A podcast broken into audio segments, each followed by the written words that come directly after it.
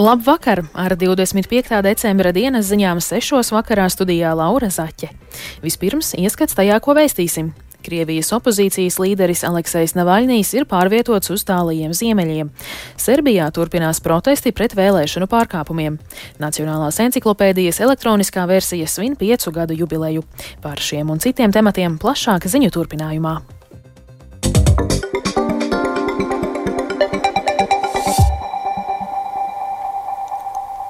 Notiesātais Krievijas opozīcijas politiķis Aleksejs Navaļnīs ir pārcelts uz koloniju Krievijas tālajos ziemeļos.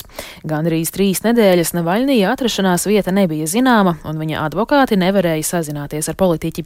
Tas raisīja bažas par Navaļnija veselības stāvokli un spekulācijas par to, vai viņš joprojām ir dzīves. Lai sameklētu politiķi, viņa sabiedrotie nosūtīja vairāk nekā 600 pieprasījumus dažādiem cietumiem. Turpina Ārķoms Konohovs. Krievijas opozicionārs Aleksejs Navaļnijas pašlaik izcieš sodu Jamalas ņemcu autonomajā apgabalā, kas atrodas Krievijas ziemeļos. Viņa preses sekretāra Kira Jārmiša vēsta, ka advokātam ir izdevies tikties ar Navaļniju un ka ar viņu viss esot kārtībā. Varas iestādes bez iepriekšējā brīdinājuma pārcēla politiķu uz trešo labošanas koloniju ar nosaukumu Polārais vilks, kas atrodas Harpas ciematā. Tā ir viena no visattālākajām ziemeļu kolonijām Krievijā, kas lielākoties domāta bīstamākajiem recidīvistiem. Serbijā turpinās plaši protesti pret balsu pirkšanu un iespējamo rezultātu sagrozīšanu nesen notikušajās parlamenta un pašvaldību vēlēšanās. Svētdien protestētāji Belgradā uzbruka pilsētas domes ēkai. Savukārt šodien divu universitāšu studenti ir bloķējuši ielas, lai pieprasītu veikt izmeklēšanu par vēlēšanās konstatētajiem pārkāpumiem. Serbijas valdība apgalvo, ka protestus organizē ārvalstu spēki. Stāsta mūsu Briseles korespondents Artjoms Konohovs. you Vairāki simti cilvēku pirmdien bloķēja ielu pie Serbijas valsts pārvaldes un pašvaldību ministrijas, pieprasot pārskatīt vēlētāju reģistru. Viņa prasības nolasīja students Ivans Bielets. Mēs sūtām pieprasījumu valsts pārvaldes un pašvaldību ministrijai izmeklēt pārkāpumus, kas saistīti ar vēlētāju reģistru un aizdomas par balsu viltošanu vēlēšanās, kas notika 2023. gada 17. decembrī. Ar šo iniciatīvu mēs vēlamies izteikt nopietnas bažas par notikušo vēlēšanu likumību, jo pastāv fakti un pierādījumi, kas norāda uz pārkāpumiem un tādām kriminālām darbībām kā balsu zakšana, kā arī Serbijas republikas vēlētāju gribas un brīvības pārkāpšana, kas būtiski apdraud pilsoņu pamattiesības. Studenti ir apvienojušies kustībā ar nosaukumu Cīņa. Tā sākās 18. decembrī, dienu pēc parlamentu un pašvaldību vēlēšanām. Protestētāji rindās bija arī 21 gadu vecā Emīlija Milenkoviča, kura sacīja aģentūras AFP žurnālistam, ka viņa nekad nebūtu domājusi, ka viņai nāksies cīnīties par demokrātiju, gluži tāpat kā savulaik to darīja viņas vecāki. Savukārt dienu iepriekš svētdien liels protestētāju skaits bija sanācis pie Belgradas domas ēkas. Arī viņa pieprasīja vēlēšanu rezultātu pārskatīšanu un pārkāpumu izmeklēšanu. Demonstranti apmētāja domas ēku ar akmeņiem. Ap pulkstens desmitiem vakarā policija izklīdināja sanākušos. Serbijas prezidents Aleksandrs Vučičs nosodīja svētdienas vakarā notikušo vardarbību un paziņoja, ka viņam esot pierādījumi, ka nemieri tika iepriekš plānoti. Savukārt Serbijas premjerministre Anna Brnabiča pateicās Krievijas izlūkdienestiem par sniegto informāciju par gatavoto vardarbību. Krievijas ārlietu ministrijas pārstāve Marija Zahārova paziņoja, ka tā dēvētie kolektīvie rietumi mēģinot destabilizēt situāciju Serbijā. Turpretī Serbijas opozīcijas deputāts Radomirs Lazovičs atbildēja, ka pēc Serbijas valdošo politiķu teiktā vienmēr pie vainas ir kāds cits, tikai ne valdība. Saskaņā ar oficiāliem rezultātiem Vučiča partija ir guvusi pārliecinošu uzvaru 17. decembra vēlēšanās. Tomēr starptautiskie vēlēšanu novērotāji no Eiropas drošības un sadarbības organizācijas konstatēja tādus pārkāpumus kā balsu pirkšanu un viltotu biļetenu ievietošanu urnās. Tas aizsāka pašreizējo protestu kustību. Septiņi opozīcijas politiķi, kas apvienojušies zem saukļa Serbija pret vardarbību, ir sākuši bada streiku, pieprasot anulēt vēlēšanu rezultātus. Arcums Konahaus Latvijas Rādio Briselē.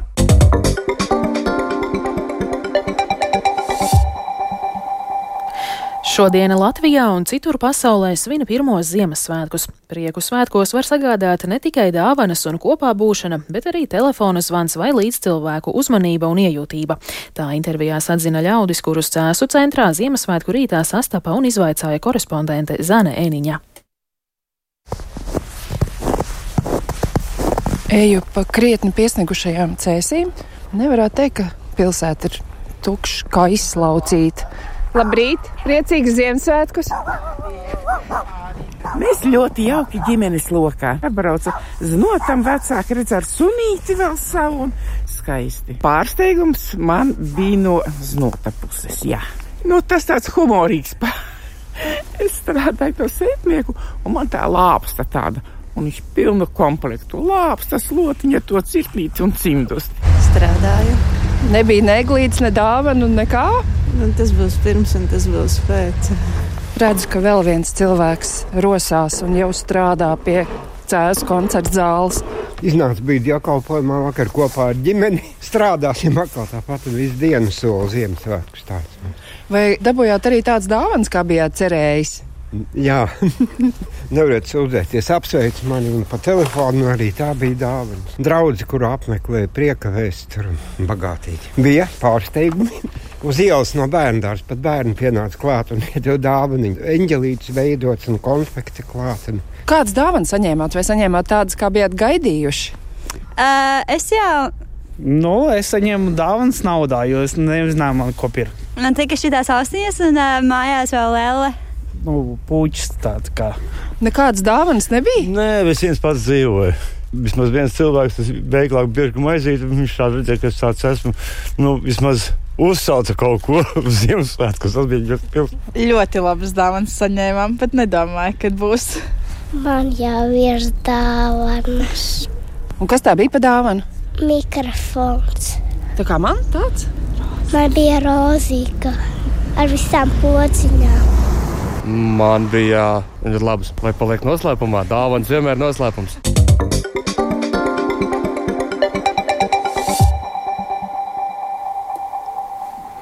Nacionālās encyklopēdijas elektroniskajai versijai aprit pieci gadi. Šajā laikā kopējais vietnes skatījumu skaits ir teju desmit miljoni.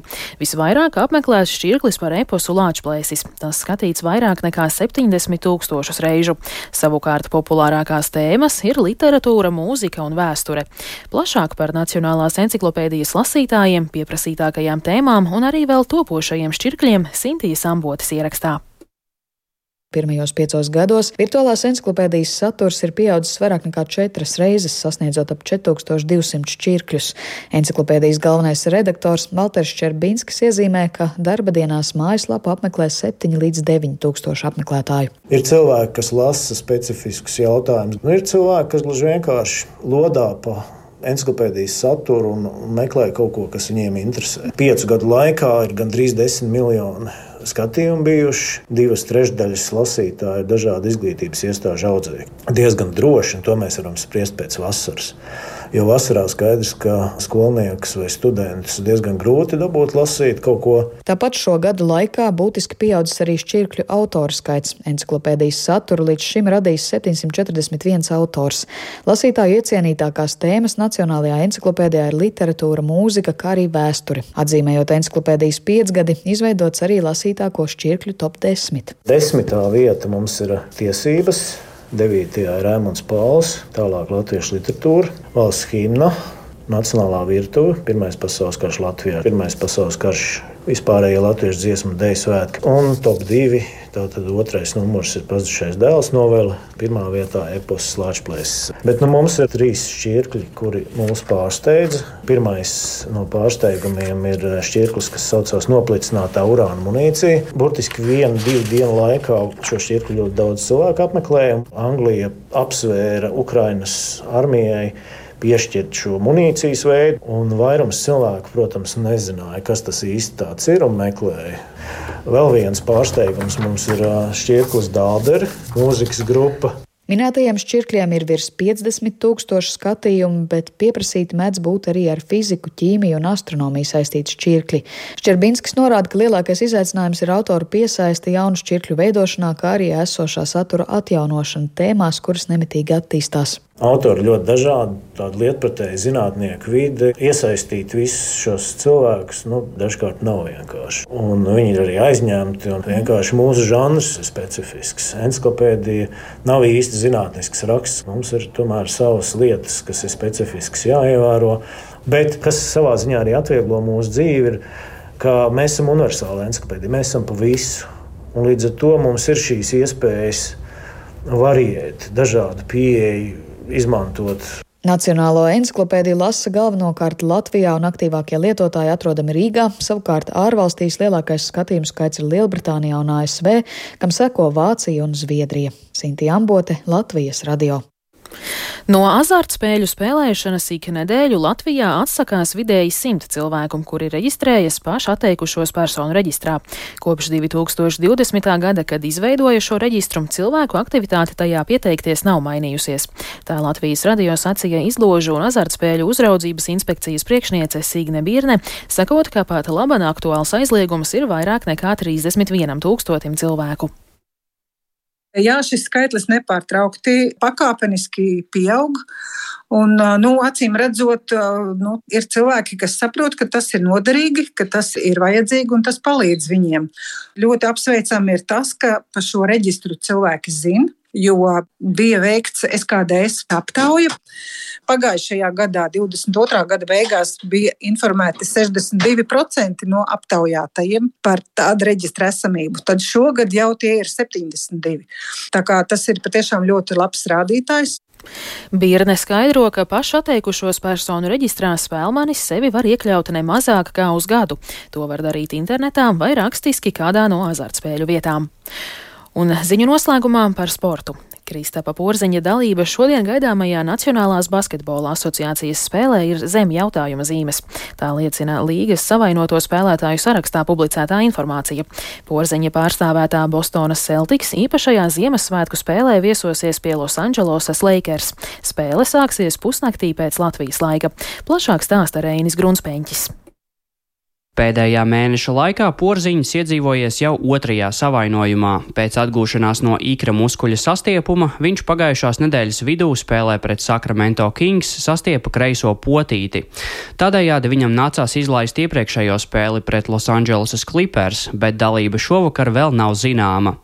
NBA Ziemassvētku spēles alaži rada īpašu interesi, jo komandu doļi ir ļoti saistoši sportiskā vai vēsturiskā kontekstā.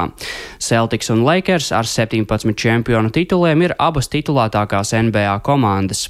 Kopumā 25. decembrī tradicionāli paredzētas piecas spēles.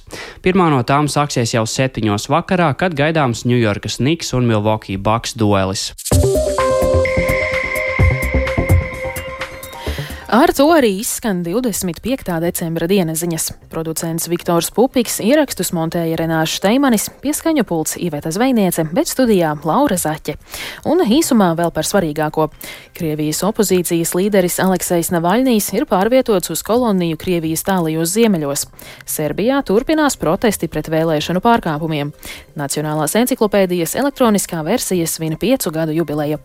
Un vēl tikai par laikapstākļiem. Música Gaisa temperatūra Rīgā šobrīd ir plus 1 grāds un pūša ziemeļrietumu vējš 4 m2. Atmosfēras spiediens ir 739 mm, bet relatīvais gaisa mitrums 93%. Šonakt daudz viet Latvijā gaidāms lietus un slapjš sniegs. Valsts austrumos arī sniegs. Pūtīs ziemeļrietumu, rietumu vējš 3,8 m2, jūras piekrastē 6,11, bet brāzmās līdz pat 15,18 m2. Gaisa temperatūra naktī - mīnus 3, mīnus 1 grāds, piekrastē - mīnus 1, plus 3 grādi. Rītdien būs pārsvarā mākoņains un gaidāms slapjš sniegs un lietus, un valsts austrumos arī sniegs. Pūtīs rietumu, dienvidrietumu vējš 4,9 m2, brāzmās līdz 14 m2, bet dienas laikā vējš lielākajā daļā valsts pierims. Gaisa temperatūra dienā būs 0,4 grādi. Rīgā pa laikam gaidāms slāpjš sniegs un lietus, pūtīs mērens rietumu puses vējš, un gaisa temperatūra dienā būs ap plus 1, plus 2 grādiem.